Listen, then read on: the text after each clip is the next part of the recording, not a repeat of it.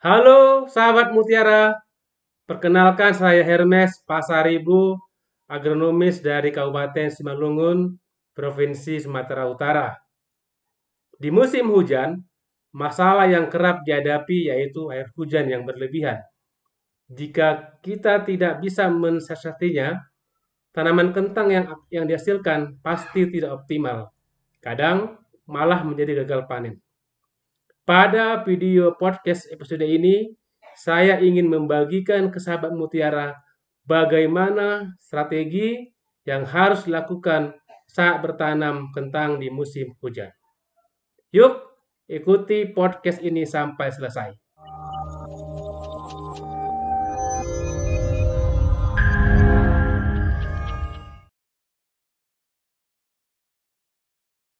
Halo, selamat datang di channel YouTube kami, NPK Mutiara TV. Di channel ini, Anda akan mendapatkan informasi dan edukasi seputar pertanian, khususnya nutrisi tanaman. Tonton video-video kami, jangan lupa like video kami, subscribe, dan pentung tanda loncengnya untuk terus mendapat update dari kami. Sahabat Mutiara, inilah materi saya tentang pupuk foliar kentang di musim penghujan.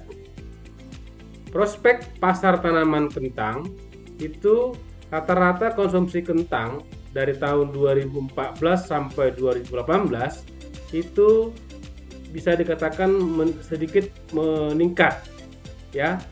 Jikalau kita bandingkan dari tahun 2014 konsumsi setahun itu 1476 kg per cup per minggu.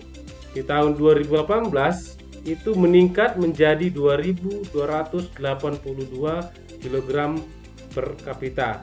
Jadi rata-rata pertumbuhannya 13,95 persen. Ini diambil dari sumbernya Survei Sosial Ekonomi Nasional. Nah, bagaimana potensi kentang di Sumatera Utara? Menurut Badan Pusat Statistik Pertanian Hortikultura, luas panen tanaman sayuran di, di Kabupaten Karo pada tahun 2018 seluas 3.306 hektar. Di tahun 2019 meningkat menjadi 3.953 hektar dengan produksi di tahun 2018 574.125 kuintal di tahun 2019 meningkat menjadi 723.80.000 kuintal. Untuk di daerah Simalungun di tahun 2018 luas panennya yaitu 1628 hektar di tahun 2019 meningkat menjadi 1.740 hektar dengan produksi di tahun 2018 278.432 kuintal di tahun 2019 2.866.913 untuk di daerah Dairi luas panennya 737 hektar di tahun 2018 agak sedikit menurun di tahun 2019 sekitar 572 hektar dan diproduksi diproduksinya di tahun 2018 34.553 di tahun 2019 menurun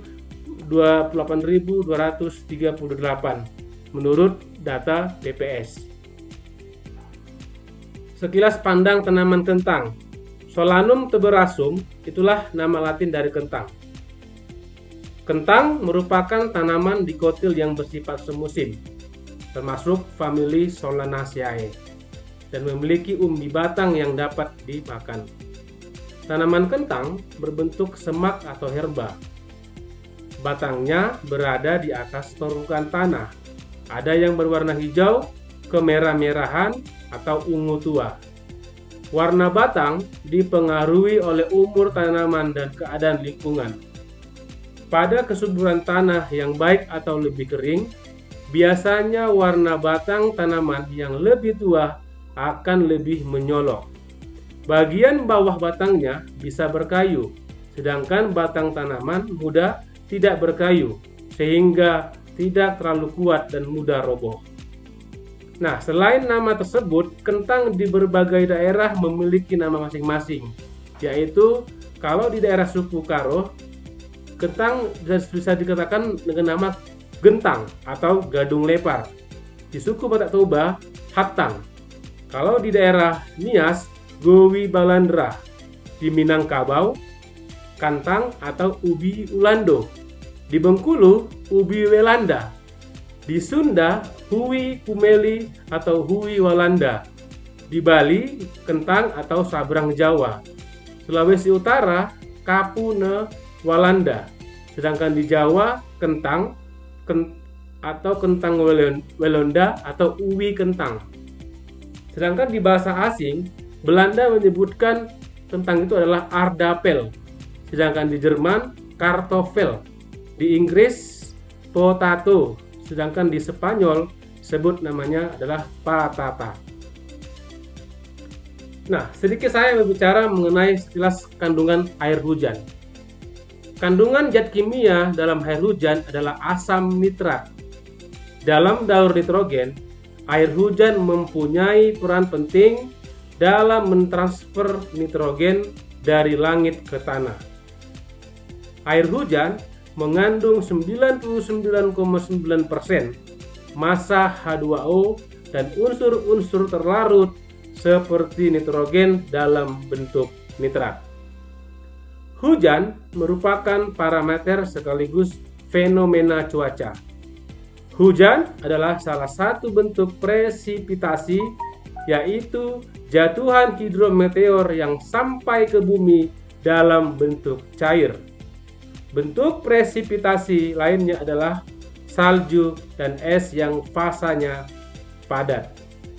Nah, bagaimana curah hujan di Kabupaten Simalungun? Di tahun 2018, curah hujan di bulan Januari 289 mm dan di tahun 2019 curah hujan 222 meter. Nah, di sini kita bisa kita melihat curah hujan yang tertinggi yaitu adalah di bulan September yaitu pada tahun 2018 428 mili di tahun 2018 di tahun 2019 memang ada sedikit penurunan di tahun 2019 curah hujan yang paling tertinggi yaitu adalah di di bulan Maret yaitu sekitar 380 mm menurut PPS Simalungun. Nah, bagaimana curah hujan di daerah Kabupaten Karo? Nah, curah hujan di Kabupaten Karo yaitu pada tahun 2018 menurut Stasiun Klimatologi Kota Gadung pada bulan Januari itu 90% untuk kelembaban udara, curah hujannya 430 mm dan jumlah hari hujannya adalah 57 hari. Nah, sini bisa kita melihat curah hujan yang paling tertinggi itu adalah di bulan Oktober di bulan Desember 560. Nah, mengapa menggunakan Merauke MKP? Memasuki musim hujan saat ini tentunya memerlukan nutrisi semprot yang minim, bahkan nihil yang mengandung unsur nitrogen atau bebas amonium pada pertumbuhan lanjutan karena dapat menyebabkan masalah dengan penyakit buah, perkembangan biji, dan risiko yang lebih besar terkena penyakit daun khususnya pada tanaman kentang. Salah satu pupuk semprot yang nihil nitrogen adalah pupuk Merauke MKP. Petani yang menggunakan pupuk ini biasanya petani buah-buahan dan sayur-sayuran seperti melon, semangka, tomat, cabai, dan kentang. Adapun spesifikasi Merauke MKP, yang pertama bebas nitrogen atau bebas amonium, mengandung monopotasium fosfat atau K2PO4 dapat digunakan di berbagai jenis sistem pemupukan dan pertanian. Mudah diserap, bisa dipakai stok B dan AB mix dalam pertanian hidroponik. Nah, apa manfaat fosfor dan kalium?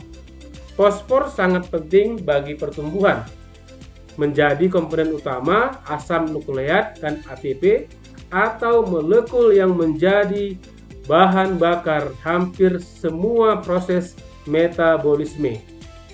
Pasokan P yang cukup banyak akan menghasilkan pertumbuhan lebih cepat, ukuran daun lebih lebar, dan anakan tanaman lebih banyak.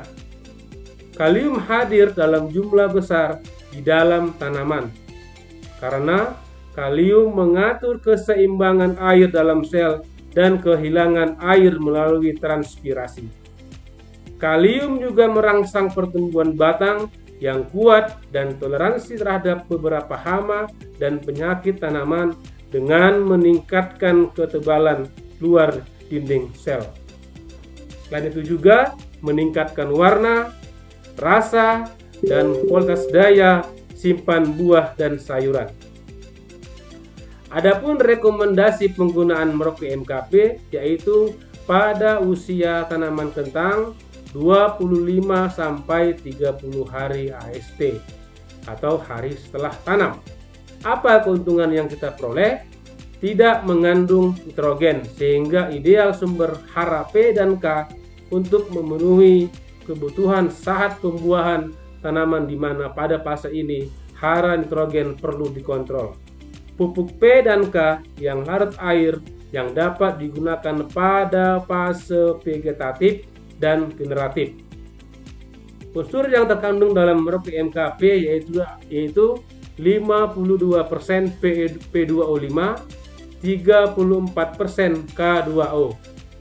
Konsentrasi penggunaan yang kita gunakan di lapangan yaitu 2 sampai 4 gram per liter air atau 30 gram per 15 liter air atau 500 gram per drum. Sahabat Mutiara, inilah media sosial kami. Tonton video YouTube kami di channel NPK Mutiara TV. Gabung di grup Telegram kami komunitas NPK Mutiara. Baca-baca artikel kami tentang pertanian dan pemupukan di npkmutiara.com. Untuk update kegiatan dan informasi edukasi lainnya, juga bisa di Instagram dan Facebook Merauke Tetap Jaya. Terima kasih, sahabat Mutiara. Di musim penghujan, tanaman kentang lebih membutuhkan unsur fosfat dan kalium agar pertumbuhan dan perkembangan tanamannya tidak terganggu akibat curah hujan yang tinggi. Sahabat Mutiara, jika video podcast ini dirasa bermanfaat, bagikan video ini sebanyak-banyaknya di media sosial Anda supaya menjadi motivasi kami ke depannya untuk memproduksi lebih banyak lagi video edukasi. Jangan lupa like video ini subscribe channel NPK Mutiara TV, dan pentung tanda loncengnya agar sahabat Mutiara tidak ketinggalan video-video edukasi kami lainnya. Stay healthy, jaga jarak, dan selalu pakai masker. Salam Mutiara, Horas!